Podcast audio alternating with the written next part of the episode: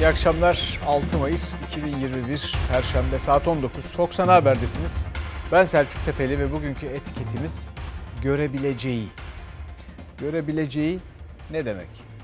Pek çoğunuzun haberi vardır. Ee, olmayanların da bu akşam haberi olacak öyle tahmin ediyorum. Dışişleri Bakanımız e, öyle bir laf etti ki Almanya'da turistin görebileceği herkesi Mayıs ayına, Mayıs ayı sonuna kadar aşılayacağız dedi. Yani turist gelsin diye Almanya'da söylediği bu ifade bugünün gündemi. Bana kalırsa bugünden sonrasının da gündemi. Çünkü bu bir bakış açısının ifadesi. Bu ülkenin görüp görebileceği, bizim görebileceğimiz, bunun gibi pek çok devamında sizin getirebileceğiniz mesajla durumu, duygularınızı siz de bizimle paylaşabilirsiniz. Şimdi evvela e, görebileceğimiz ve görmemiz gereken bir konuya girelim bakalım. O da bu virüs, koronavirüsü ve bununla hükümetin önlemleri, mücadelesi nasıl yönettiği, nasıl sürdürdüğü konusu. Bir yandan Türkiye'de biliyorsunuz pek çok aksaklıkla beraber pek çok önlem almaya çalışıyoruz. Bir yandan da ülke hani tabiri caizse yol geçen hanı. Çünkü yurt dışından gelip burada biraz konaklayıp kendi ülkelerine dönmek için Türkiye'ye uğrayan bir takım insanlar, turistler var. Bu da şu soruyu akla getiriyor. Virüse vize mi verdik? Şu an yeni vaka sayısında dünyada dördüncüyüz ve bu çok uzun süredir böyle. Vefat sayısında da üst sıralardayız ve bu da e, şu anki durumumuzun gerçekten oldukça ciddi olduğunu gösterir. Salgındaki ağır tablo uzun süredir değişmedi. Son 24 saatte koronavirüs nedeniyle 356 kişi daha yaşamını yitirdi. Testlerdeki pozitiflik oranı %12. Uzmanlara göre bu oran %10'un altına düşmedikçe kırmızı alarm veren salgının rengi değişmeyecek. Siz test sayısını ne kadar az yaparsanız e, vaka sayısı da o oranda düşük çıkacaktır. Bunun alınan önlemlerle bir ilgisi yoktur.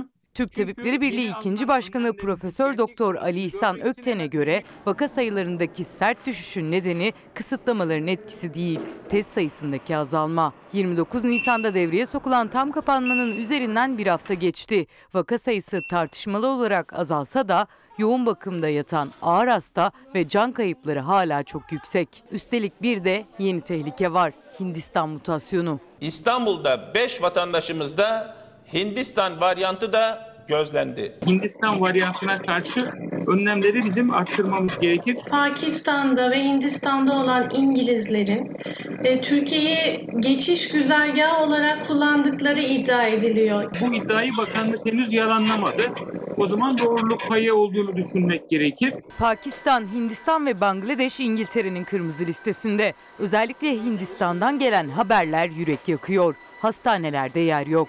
Salgının başından bu yana ölenlerin sayısı 250 bine yaklaştı. Son 24 saatte ise 3781 kişi hayatını kaybetti. İşte böyle bir ortamda iddiaya göre Hindistan'dan dönen İngilizler Türkiye'yi geçiş noktası yapıyor. Pakistan ve Hindistan'dan İngiltere'ye dönen İngiliz vatandaşları 10 gün otellerde karantinaya alınıyor. Bu da bir kişi için 2000 sterlin yani 20 bin liraya mal oluyor. Kendi ülkelerinde 20 bin lira ödeyerek otel odasında kapanmak istemeyen İngilizler iddiaya göre Hindistan, Pakistan sonrası soluğu Türkiye'de alıyor. Türkiye bu ülkelerden sadece Hindistan'dan gelenlere zorunlu karantina uyguluyor. Yurtlara yerleştiriliyorlar. Pakistan'dan gelenlerse İngiltere'dekinden çok daha ucuza otellerde kalabiliyor. Bizim ülkemizde bırakın karantina uygulamayı test dahi yapılmıyor. Bence mutlaka her yurt dışından gelenlere e, testin yapılması lazım ve özellikle yüksek riskli ülkelerle de uçuşlarımızın veya seyahatin mutlaka engellenmesi gerekir. Bu arada 16 ülkeden gelecek insanlara Türkiye PCR testi şartı bile koymuyor. Yani bir test şartı bile yok. Boş verin aşıyı. Bu arada da onlar aşısız, testsiz gelecekler sağdan soldan. Biz eğer e, uygun şartlara sahip değilsek yanlarına yaklaştırılmayacağız. Bugün Dışişleri Bakanımız Mevlüt Çavuşoğlu bunu Almanya'da ilan etti efendim. Söylediği şu, turistin görebileceği herkesi Mayıs sonuna kadar aşılayacağız.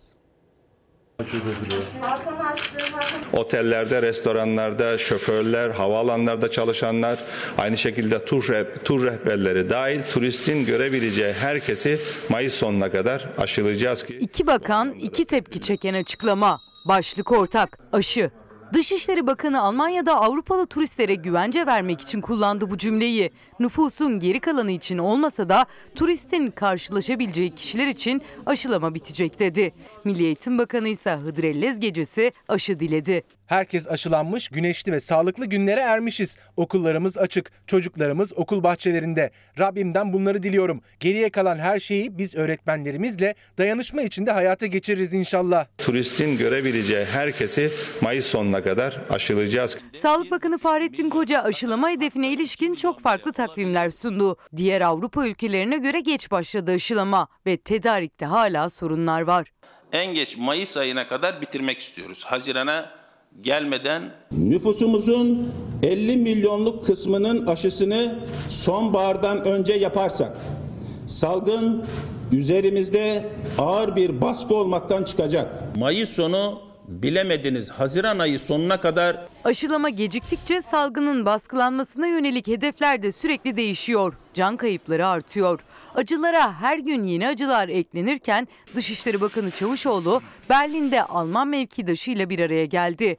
Aşılamaya ekonomi penceresinden baktı. Avrupalı turistlere içiniz rahat olsun mesajını çok tartışılan bir cümleyle verdi. Otellerde, restoranlarda, şoförler, havaalanlarda çalışanlar, aynı şekilde tur, reh- tur rehberleri dahil turistin görebileceği herkesi Mayıs sonuna kadar aşılayacağız. Turistin göremeyeceği insanlar ne olacak? Toplumun bir kısmının aşılanması salgını bastıracak mı? En başta aşı olacakların planlaması niye yapıldı? Yanıt yok. Aşılama konusunda yanıt bulamayanlardan biri de belli ki Milli Eğitim Bakanı. Ziya Selçuk kameralar önünde aşılanmış, öğretmenler için sürecin başladığını duyurmuştu. Ama 1 milyon 200 bin eğitim çalışanından sadece %10'u aşılanabildi. O da gül ağacına asmak üzere bir dilek çizdi Hıdrellez gecesi. Resimde yüz yüze eğitimin başlamasını sağlayacak en güçlü silah olan aşı var. Bakan Selçuk herkes aşılanmış okullarımız açık. Rabbimden bunu diliyorum dedi resimde. Geriye kalan her şeyi de öğretmenlerle hayata geçireceklerini söyledi. Ama hayatını kaybeden öğretmenleri hatırlattı meslektaşları.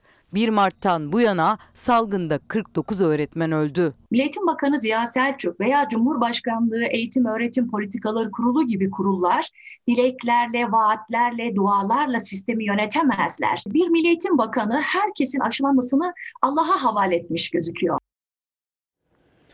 Şimdi bu sözün mizahı, ironisi olmaz çok zor. Son zamanlarda sık sık bu türden aşağılanmalarla karşılaştığımız oluyor. Ve elbette kolay kolay unutulacak laflar değil. Ama bu çok ayıp. Çok ayıp. Yani ülkesinin insanına böyle e, bakan birinin, bir kimsenin dış politikada Türkiye'nin çıkarlarını hakkıyla savunabileceğini ben zannetmiyorum. Kendi bilecekleri iştir ama milletin bu büyük milletin görebileceği ortamlarda böyle laflar etmeseler iyi olur. Daha önce de vatanı arsa yaptık. En kötü ihtimalle buralardayız. Efendim şimdi de bir şekilde vatanı otel gibi gördüğümüzü anlıyoruz. Peki mesela nasıl olacak? Nasıl uygulanacak bu? Hadi hiç milleti düşünmüyoruz. Peki nasıl uygulanacak? Mesela yerli turist. Paravan mı koyacaksınız? İşaret mi koyacaksınız? Ayıracaksınız. Yerli turiste gitti benzer otelleri mi ayıracaksınız? Aşılanmadı onunla çünkü yerli turisti hangi kritere göre aşıladınız bugüne kadar insanları? Diğer insanları sokağa mı çıkartmayacaksınız? O da zaten alay konusu oldu dünyada. Türkler çıkamıyor aman şimdi çok iyi zaman falan diye. Reuters haber yaptı koskoca uluslararası haber ajansı. İşte her şeyin sebebi bunu sık sık söylüyoruz. Başarısı ekonomiden dış politikaya kadar. başımızın dertte olduğu her alanda her şeyin sebebi, başlıca sebebi bu bakış açısıdır. Kendi insanına saygı göstermeyen dünyadan itibar göremez.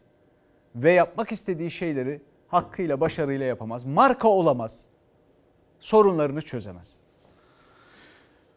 Son zamanlarda böyle aşık Ömerler çıkmaya başladı ortaya. Yani 17. yüzyıl halk edebiyatı. Şimdi geçelim eh, aşılarla ilgili bir bekleyişimiz var, beklentimiz var.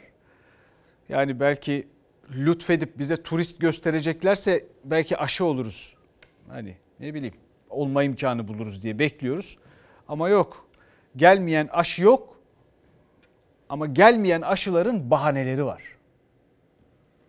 Bugün Çin'den aşı gelecekti nerede diye soranlar. Dün Çin ile aramızdaki hassas konulara kaşıyarak ilişkilerimizi bozmaya çalışıyorlardı. Burada ben çok üstüme alındım. Yazıklar olsun Sayın Koca'ya. Müslüman Türk kadınlar tecavüze uğruyor tecavüze.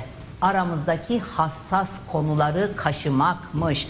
Yazıklar olsun. Başarılı olduklarını söyleyemem ama hasar verdikleri kesin. Aşı meselesine çuvalladılar. Sayın Erdoğan her zaman olduğu gibi bu işlerde şimdi Sayın Koca'nın üzerine yıkacaktır. Elini yıkayıp çıkacaktır. O da elini yıkayıp acaba Meral Akşener'e bırakabilir miyim demiş ama zor. Sağlık Bakanı Koca Çin'den bir türlü açıkladığı dozda aşı gelememesini muhalefete bağladı. İsim vermeden Çin'le hassas konuları kaşıyorlar dedi, suçladı. Doğu Türkistan'da Uygur Türklerine Çin zulmü var diye ses yükselten Akşener, Koca'nın suçlamalarını üzerine alındı. Aşı tartışmasında tansiyon yükseldi. Bu arkadaşların hassasiyetle üzerinde durdukları şey de Müslümanlıktır. Uygur Türklerine soykırım işte hasosu orada yapılıyor. Karşı çıkacağım, eleştireceğim diye gerçekleri çarpıtmak kimseye fayda vermez. Siz aklınızı, vicdanınızı yitirmişsiniz. Aşı işini elinize yüzünüze bulaştırdığınız yetmediği gibi mazlum Doğu Türkistanlı kardeşlerimizi hangi vicdanla kirli pazarlığınıza alet ettiniz? Utanın. Muhalefet bir süredir Doğu Türkistan'da Çin zulmü var diyor, iktidarı da sessiz kalmakla suçluyor. İyi Parti lideri Meral Akşener bir grup toplantısında meclis kürsüsünde Uygur Türk'üne bıraktı. Barın katliamını da hatırlatan Akşener'i Çin Ankara Büyükelçiliği sosyal medyadan adeta tehdit etti. Çin tarafı haklı karşılık verme hakkını saklı tutmaktadır. Eleştirilen paylaşımdan sonra Çin Ankara Büyükelçisi Dışişleri Bakanlığı'na çağrıldı. Sağlık Bakanı Koca da aşı takvimindeki gecikmenin nedeni bu gerginlik imasında bulundu. Oysa daha bir hafta önce Çin'den 100 milyon doz Sinovac aşısının gelmemesini üst üste başka nedenlerle açıklamıştı. Sinovac firması taahhüt ettiği takvime ne yazık ki uymuyor. Üretilen ülke kendi vatandaşları için kullanmak istediğinden bu aşı miktarı gelmemiş oldu. Çin'le aralarında ne olduğunu bilmiyorum. Dış politikayla alakalı hiçbir şeyden haberimiz yoktur. Yapılan sözleşme 50 milyon doz. O da gelmedi. Ya paranızı ödemiyorsunuz ya aracı firmanın sorunu çıktı.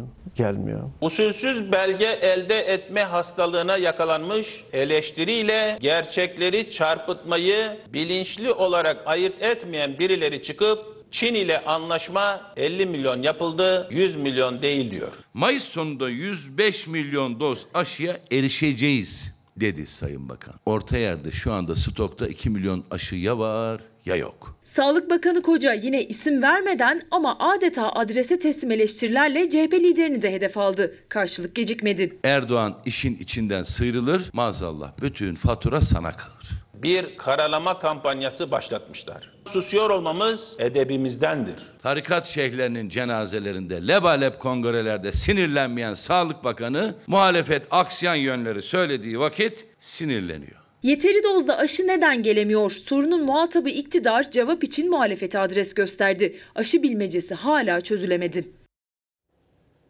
De aşı nerede? Yani bütün bunlar konuşuluyor. Birçok söz, laf, efendim vaat, hep vaat, hep vaat.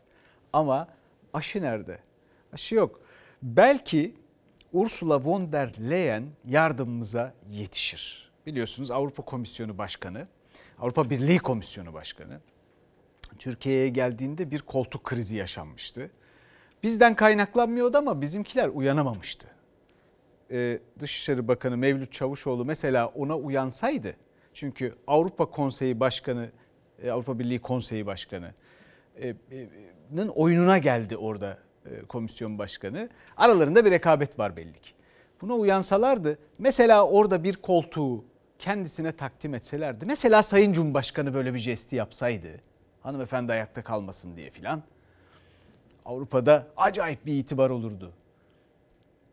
İşte marka olmak filan böyle bir şey. Üstelik bir ders verilirdi. Kadın hakları veya kadınlara saygı konusunda filan. Ama o fırsatları atlıyoruz. Şimdi von der Leyen'i niye dile getirdim? Çünkü aşıda fikir hakları e, ile ilgili, fikir mülkiyet hakları ile ilgili e, bir değişikliğe gidilmesi gerekebilir. Bunu da yapabiliriz dedi. Yani fikri mülkiyet haklarının ortadan kaldırılması aşının herkese serbest olması, üretilebilmesi anlamına gelebilir. Von der Leyen bunu dile getirdi.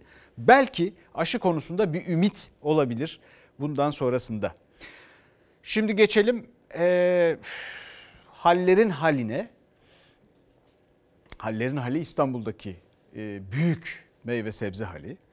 Orada ilginç görüntüler var. Çürüyen meyveler, sebzeler var. Ve bu israfa yazık yazık demekten başka da elimizden bir şey gelmiyor. Normal şartlarda kıvırcık mesela 10 lirayla 15 TL kasası olurdu. Karnabahar atıyorum 2 lirayla 2,5 TL bandında olurdu. Ee, Bugünkü fiyatlar? bugünkü fiyatlar karnabahar 0.50 kuruşa pazartesi günden bu yana kalkmıyor. İşte kıvırcığın kasası 5 TL ile 10 TL bandında. Elimizde ürünler kalıyor. Pazarlar kapalı olduğundan dolayı hallerde çalışmıyor. Biz sağlığa karşı değiliz ama hazırlıksız bir şekilde yakalandık. Üretim sezonunda gelen tam kapanma üreticiyi olduğu gibi halcileri de hazırlıksız yakaladı. Semt pazarlarının yani meyve sebzenin satış noktasının kapanması halciyi, nakliyeciyi en çok da çiftçiyi etkiledi. İki kez açılacak pazar yerleri yaraya merhem olmayacak gibi. Ülkede tarım planlaması olması gerekir.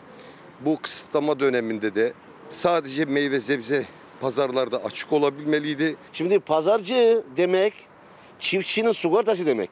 Zincir marketler gelip halden almıyor. Büyük marketler almıyor. Çok büyük marketler mesela almıyorlar. Ufak tefek marketler, manavlar alıyorlar. E tabii ki bu malı pazarcılar olmayındı mı sürüm olmaz yani. İstanbul sebze meyve hali esnafı da alıcı bekliyor ama gelen giden sınırlı. Ege'den, Akdeniz'den gelen ürünler kasalarda. Cumartesi günü ilk pazarlar kurulacak ama görüyorum ki halde tonlarca ürün var. Cumartesiye kadar bunlar dayanabilir mi burada? Yani burada dayanan ürünler var, dayanamayacak ürünler var. Yaz ürünlerinin ekildiği bir ayda olduğundan dolayı üründe ve turfanda da gelen ürünlerin bir ciddi artışı söz konusu. Bu ürünlerin ömrü bir veya iki gündür, üç gündür. Bakın karnabaharlar kararmaya başlamış. Çünkü haldeki kasaların içindeki üçüncü günü. Normalde bu zamanlarda fiyatı 2-2,5 lira bandındaydı. Ancak şimdi 50 kuruşa kadar düşmesine rağmen alıcısı yok. Ve bugün de alıcı çıkmazsa akşama bu kadar ürün çöpe gidecek. Şimdi bu yeşillik bak bu şöyle gösterirsin. Bu göbek bunun ömrü en fazla 4 gün 5 gündür. Arkasında yetişen mal geliyor. Onun malı eğer burada biz tüketmezse çiftçinin malı arkasından mal da yetişiyor. Olduğu gibi piyasa çöküyor. Taze tüketilmesi gereken sebze, meyve ve yeşillikler. Örneğin bu semizotları cumartesi gününü bekliyor. Üreticinin ve halcinin talebi ya semt pazarı noktalarının fazlalaştırılması ya da açık olacağı günlerin çoğaltılması. Pazar yerlerinin çoğaltılması lazım. Pazara veya seyyar pazarcıların hepsinin kamyonu var. Ruhsatın verilip mahalle arasında dolaşıp açık havada dolaşıp satılması lazım. Burada 3 liralık ürün 1 liraya gidiyor. Bu sefer üretici emeğinin karşılığını almadığı zaman küsüyor, darılıyor, seneye bu ürünü ekmiyor. Bir de bu çiftçi. Biz çiftçiye çok önem veriyorduk. Diyordu ki çiftçi milletin efendisidir. Çiftçi nerede kaldı? Biz çiftçiyi nasıl koruyacağız? Şimdi burada tedarik zinciri, sistemin işleyişi bozuldu. Bunu düşünmemiş kimse. Düşünmediklerini anlıyoruz. Sonradan apar topar bir takım yama tedbirler uygulamaya çalıştıklarından anlıyoruz bir kere. Ama bu arada tarımda işler zaten kötü gidiyor. Bu sene olağanüstü bir tarımsal kuraklık var. Öte yandan dünyada da son 7-8 yılın en yüksek gıda fiyatlarıyla uğraşılmakta. Bunları düşünseler iyi olur hükümet olarak, iktidar olarak. İşlerinin bir parçası bu. Yani böyle başarılı zengin olmak için sadece ne bileyim patavatsızlık yetmiyor yani. Veya başarılı veya zengin olmak için sadece kötü olmak da yetmiyor. Şimdi geçelim eee, tam kapanma sürecinde acayip manzaralar var biliyorsunuz. O acayip manzaralar sürekli insanların iç içe olmak zorunda olduğu, bütün bu tedbirlere bir şekilde uymayan, yani manzaraya baktığınız zaman tedbirleri göremediğiniz ama başka da çareleri olmayan insanları gördüğümüz o fotoğraflardan biri PTT şubelerinin önünde çekildi yine bugün. Herkes buraya yığılmış. Herkes bütün işlem burada yürütmek zorunda kalıyor. Onun için biraz kalabalık oluyor. Görüyorsunuz sıra almış başını gidiyor. 2 milyon haneye yapılacak 1100 liralık sosyal yardım ödemelerine başlandı. Ancak PTT şubeleri önündeki kuyruklar uzadıkça uzadı. Sosyal mesafeyi nasıl olabileceksiniz burada? Ne yapması gerekiyor? Herkes parayı alacak. Tam kapanmaz sosyal yardım programından faydalananların yardım paraları aslında PTT çalışanları tarafından evlere de götürülüyor. Güle güle harcayın. Allah devletimizden de sizden de bin kere razı olsun. Sizden de Allah razı olsun. Pandemi parası alacağız. Dün eve gelmişlerdi biz evde yoktu diye. Ben parkta oturuyordum. Ama biz onun için kaçırdık. Ancak yurdun pek çok yerinde durum bu değil. Paraya sıkışık olan ya da bir an önce ödemesini almak isteyenler PTT şubelerine akın ediyor. Kapıya teslim diyor da gelmedi kapılara. Gelmedi hiç öyle bir şey e, duyum bile almadık. Başka işleri için gelenler de olunca şubelerin önündeki sıranın ucu bucağı gözükmüyor. Ben arkadaşın yerine bakın maaş alacak herhalde emekli maaşı. E, devlet şifresi alacağım o bana lazım olacak bu sokağa çıkma yasağı günlerine falan. Kalabalığın çoğu zaman sosyal mesafeye uymadığı şube önlerinde polis ekiplerince uyarılar yapıldı. Evet, dünyanın en pahalı sorusu. 128 milyar dolar nerede? Soru tartışılmaya devam ediyor elbette gündeminde muhalefetin ama tartışmanın boyutları değişiyor. Bakın bakalım. Hem Cumhuriyet Halk Partisi hem İyi Parti e, bu 128 milyar doların önce peşine düştü. Arıyoruz. Henüz bulunamadı. 5 tane 128 milyar lira kayıp kardeşim. 128 milyar dolardan bahsediyoruz. Biz bu 128 milyar doları sormayalım da neyi soralım? 128 milyar demene gerek kalmadan doları da dahil 1-2-8 rakamlarına inanılmaz bir refleks var. Yani ellerinden gelse emin olun bu rakamları sistemden çıkaracaklar. Muhalefet liderleri de kurmayları da ne zaman konuşsa söze 128 milyar dolarla başlayıp 128 milyar dolarla bitiriyorlar. Tek bir soru var. 128 milyar dolar nerede? Savunamıyorlar. Ben yaptım kardeşim. Sebebi de şudur. Vicdana, mantığa, akla ve ciddiyete uyan bir cevap verilemediği için çok rahatsızlar. 128 milyar dolar nerede sözünde. Bu şudur. Parti devleti, aile devleti, beşli çete devleti Türkiye'yi perişan etmiştir. Vebal Erdoğan'ın bedel milletindir. Buna itiraz ediyoruz. Çatlayıncaya kadar yiyin. Zehir zıkkım olsun. İktidar cephesinden bugüne kadar Maliye Bakanı'ndan Merkez Bankası Başkanı'na, AK Parti kurmaylarından Cumhurbaşkanı Erdoğan'a kadar herkes konuştu. Ama muhalefet 128 milyar dolarlık rezerv ne zaman, hangi kurdan nasıl satıldı sorularına cevap bulamadı. İsmail Küçükkaya ile Çalar Saat'te konuşan HDP'li Meral Daniş Beştaş da iktidara seslendi çok kötü yakalandılar. Hani hukuk deyimiyle suçüstü yakalandılar. Çünkü verebilecekleri bir yanıt yok. 128 milyar dolar nerede sorusuna çok somut yanıt istiyoruz. Dolar 10 lira olacak ya 15 lira olacak ya 6 liradan 7 liradan toplayalım dolarları ha 10-15'e satarız. Ey AK Partili, MHP'li kardeşlerim memnun musunuz? Kurtlara kümesin anahtarlarının verilmesinden, üreten iş kolları iflas ederken rant elde edenlerden memnun musunuz? Sizlerin nezdindeki meşruiyeti nedir bu iktidarın? Gelecek Partisi lideri Ahmet Davutoğlu da içinde 128 milyar dolar ve Berat Albayrak'ın olduğu bir video paylaştı. AK Parti ve MHP seçmenine memnun musunuz diye sordu. Görev yaptığı süre içerisinde yapılanın edilenin hesabını vermek zorundadır damat bakan. Meral Akşener de 128 milyar dolar polemiğini istifasından sonra 6 aydır ses vermeyen Berat Albayrak üzerinden yeniden alevlendirdi. Albayrak hesap vermeli dedi. Muhalefet ısrarcı 128 milyar dolar nerede sorusu tek gündem. 128 milyar dolar nerede? En azından şimdilik bizim görebileceğimiz bir yerde değil. Onun farkındayız. Ama açıklamalar var. O açıklamaların neticesini de görmek istiyoruz bir yandan.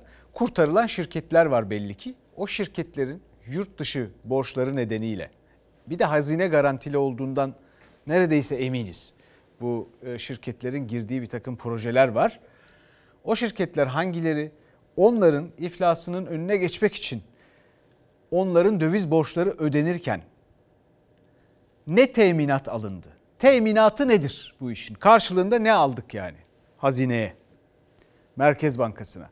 Bu sorunun cevabı önemli. Ya, bu kadar karmaşık, o kadar zor bir soru değil. Gayet basit. Bütün bu 128 milyar dolar ve dezenfektan Ruslar Pekcan tartışmaları siyaseti iyice alevlendirmiş durumda. O yüzden de çok ilginç bir takım e, başka platformlarda bu tartışmalar ve atışmalar sürüyor.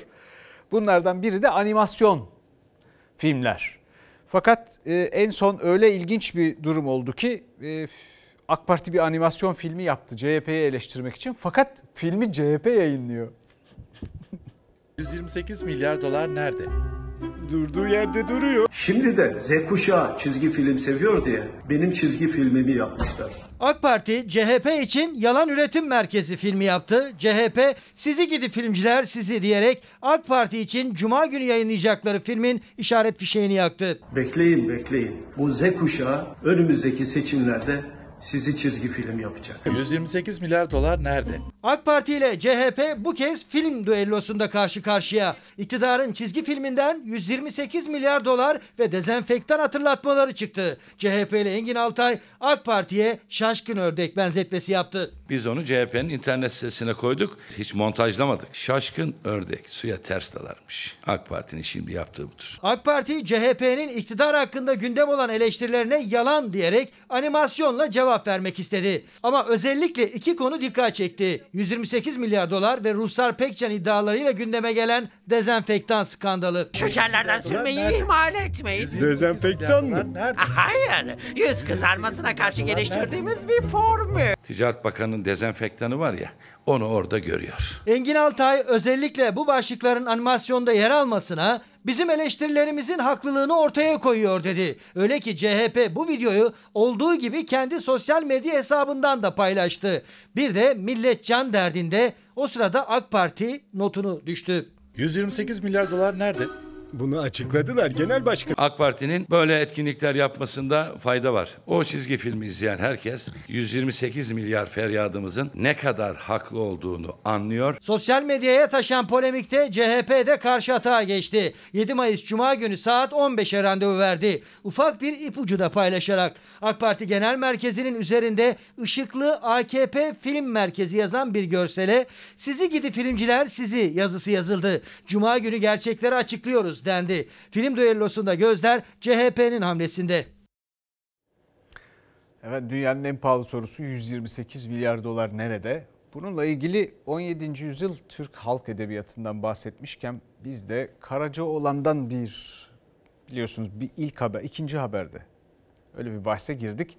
Oradan devam edelim. İğneden ipliğe sorulur bir gün demiş Karacaoğlan. 17. yüzyıl Türk halk edebiyatı. Şimdi geçelim bakanlarımıza. Bakanlarımızın e, CV'lerine, özgeçmişlerine onu geliştirmeye devam ediyorlar. E, ve e, bu tabii şey yani Türkiye açısından bir tartışma konusu. E, bu, bu tartışma konusu bir yandan devam ediyor. Bakanlarımız yeni işler buluyor. E, ve yeni işler bulurken de iyi paralara buluyorlar. Eski bakana yeni iş Zehra Zümrüt Selçuk. İş var mı? İş nerede ya? İş yok nerede iş?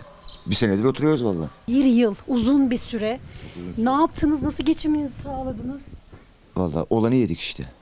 O da bitti şimdi hiçbir şey kalmadı artık. Türkiye'de yoksulluk uluslararası dokümanlarda da ifade edildiği gibi artık Türkiye için sorun olmaktan kalktı. Ya annem bir de şey benim kova hastası. Bakıma muhtaç yani. Götürdüm onu ablama bıraktım kardeşime. Bakamıyorum çünkü gücüm yok. Murat Alsever 4 çocuk babası 54 yaşında. Makine teknikeri. Dekorasyon işleri yapıyordu salgından önce. Şimdi işsiz. Yoksulluk yok diyen eski aile bakanına da 39 bin lira maaşla iş bulundu. Alseverse annesi daha da hasta olmasın bu yoklukta diye göndermek zorunda kaldı başka bir eve. Verileri tartışılan TÜİK de ortaya koydu aslında onun gibi ailelerin halini. Geniş ailelerin %27,7'si yoksulluk sınırının altında yaşıyor. Ne aldınız peki efendim? Şimdi şu, şu bir maydanoz aldım, bir tane domates, üç tane işte e, soğan, üç tane de biber. Bir tanecik mi domates? Bir tane yeterli. Gelir azalıp gider artınca borçlananlar yoksulluk sarmalına girerken eski Aile ve Çalışma Bakanı Zehra Zümrüt Selçuk yoksulluğu her fırsatta reddetti. Ama TÜİK'te aksi yönde araştırma koydu ortaya. TÜİK'in hane halkı kullanılabilir fert geliri hesabına göre kişi başına aylık 1426 lira düşmeyen aileler yoksulluk sınırı altında.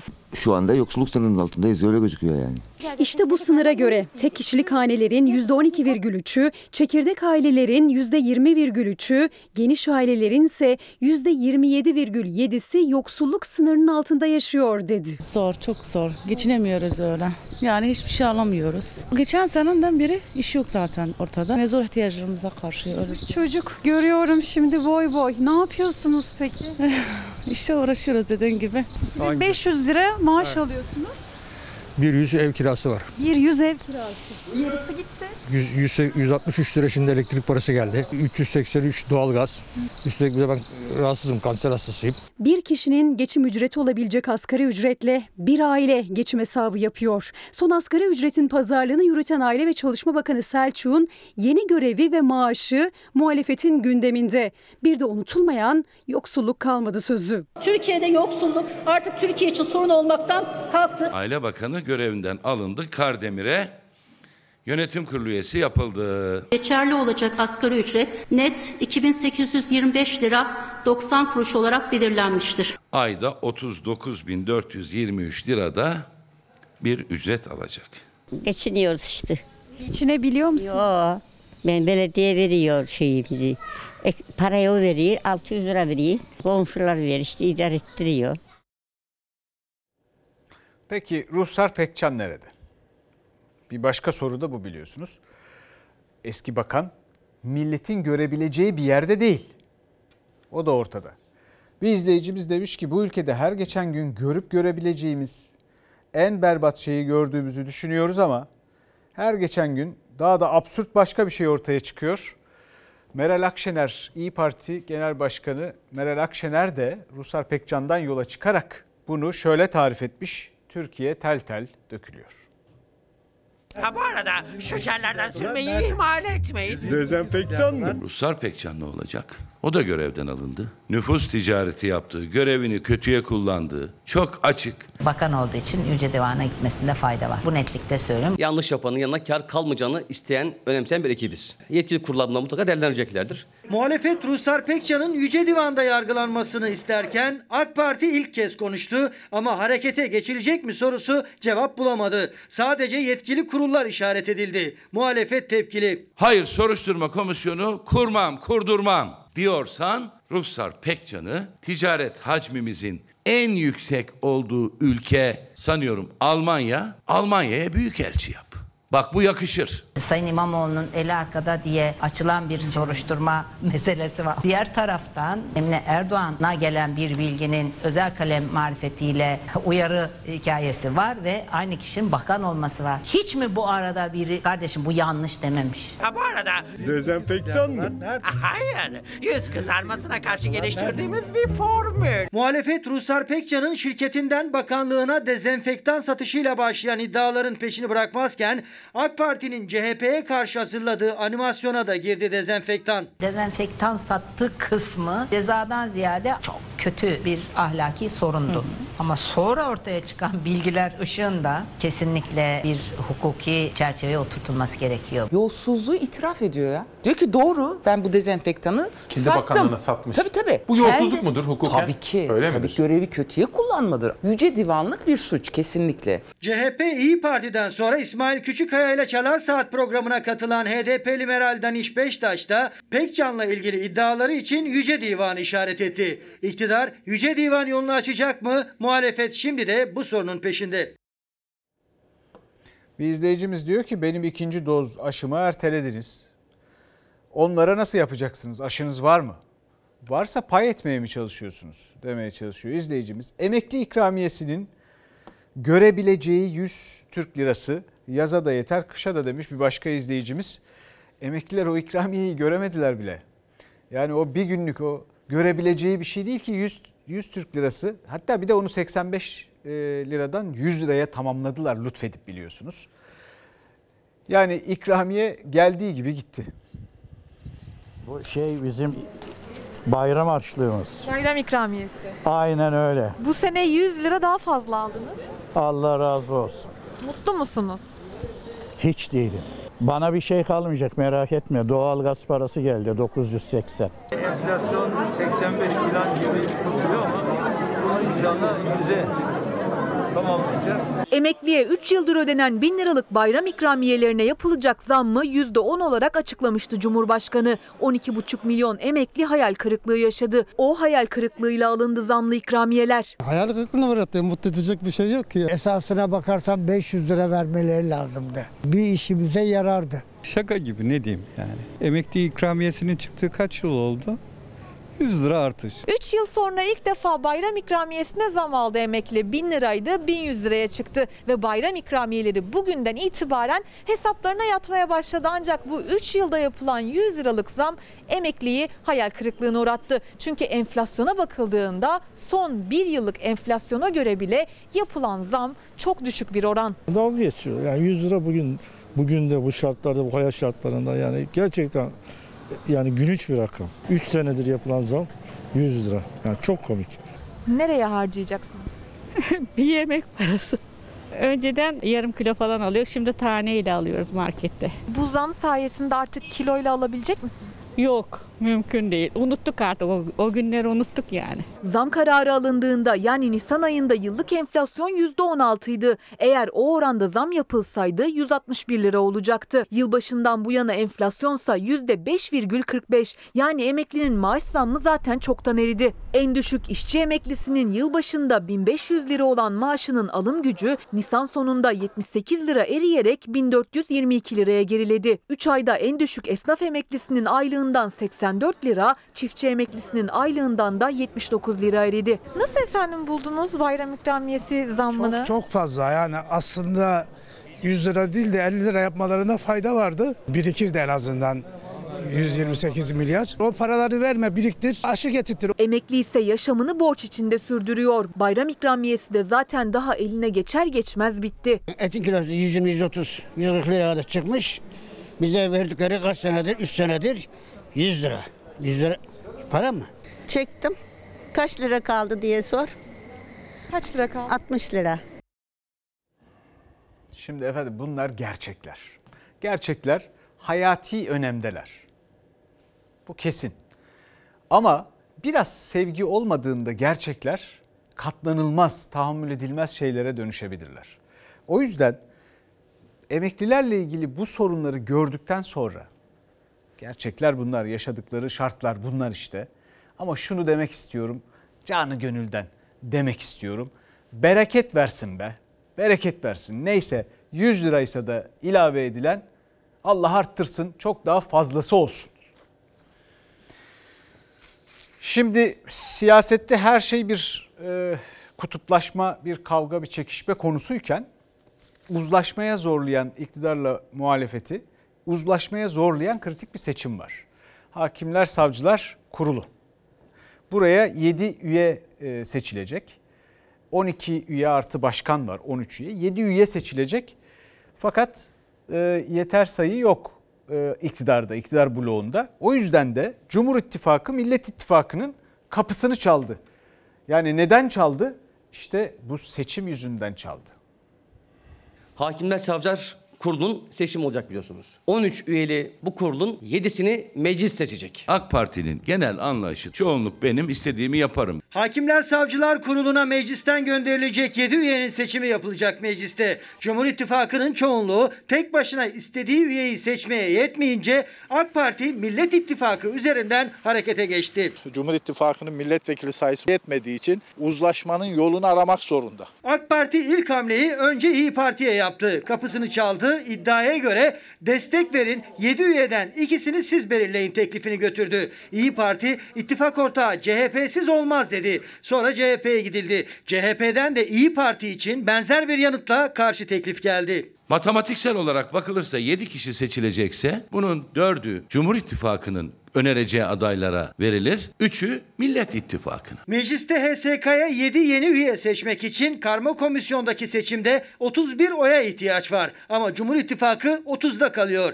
Genel kurulda ise ilk turda 400, ikinci turda 360 vekilin oyu aranacak. AK Parti ve MHP'nin toplam sandalye sayısı ise 336. Yani Cumhur İttifakı'nın 7 üyeyi tek başına seçip HSK'ya göndermeye çoğunluğu yetmiyor. 24 eksik kalıyor. Muhalefet partilerinin o yüzden desteği aranıyor. Bizim yaklaşımımız uzlaşmadan yana bir tavır olması yönünde. Umarım bir orta yolda da buluşulur. Kulislere göre iktidar grubu arka kapı hamlesiyle bir yandan HSK üye seçimlerinin uzlaşmayla yapıldığı mesajını verirken diğer yandan da Millet İttifakı'nda gedik açmak istedi. Ama devreye genel başkanlar da girdi. Akşener ve Kılıçdaroğlu'nun ortak tavrıyla üye sayısı üzerinden başlatılan pazarlık Millet İttifakı'ndan geri döndü. Ta baştan beri Cumhur İttifakı'nın Millet İttifakı'nda sur açmaya çalıştığı herkesçe malum. Millet İttifakı'nı parçalamak için her ay bir senaryoyu Erdoğan ortaya koyuyor. Bazen her hafta Erdoğan Millet İttifakı'nı parçalamak istedikçe Millet İttifakı daha bir kenetleniyor. Artık bundan vazgeçmesini tavsiye ederim. Meclis HSK'ya 7 üye gönderecek. Gözler ittifakların kritik seçim sınavında.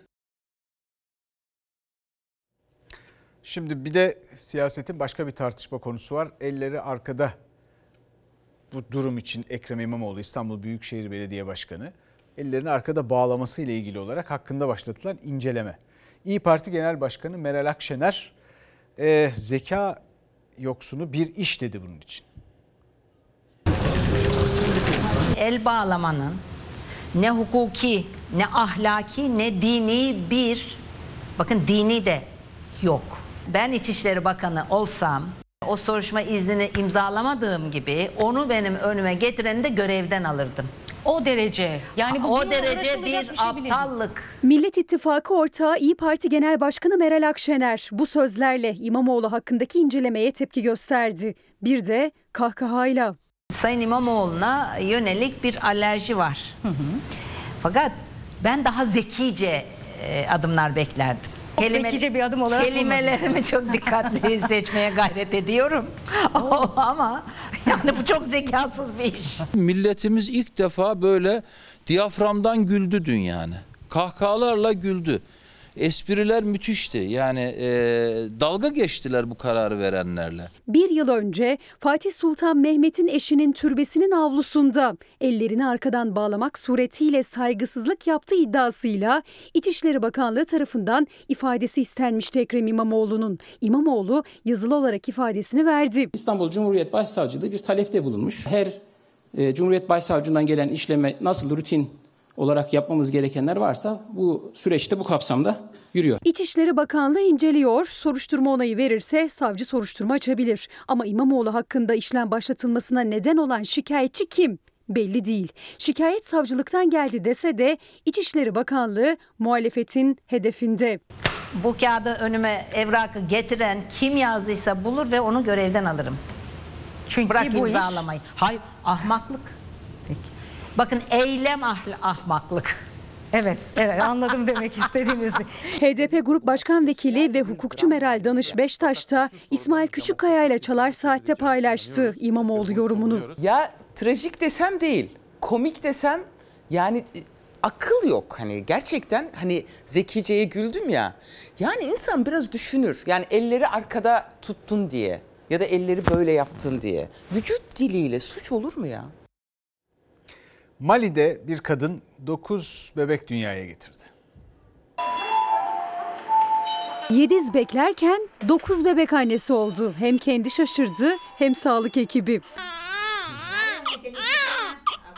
Mali vatandaşı Halime Sisi hamileliği sırasında yapılan kontrollerde karnında 7 bebek taşıdığını öğrendi. 25 yaşındaki anne Mart ayı sonunda Fas'a sevk edildi. Casablanca kentinde bir hastaneye yatırılan annenin karnı her geçen gün büyüdü. Bu durum kendisi ve bebekler açısından risk teşkil etmeye başlayınca doktorlar doğum kararı aldı.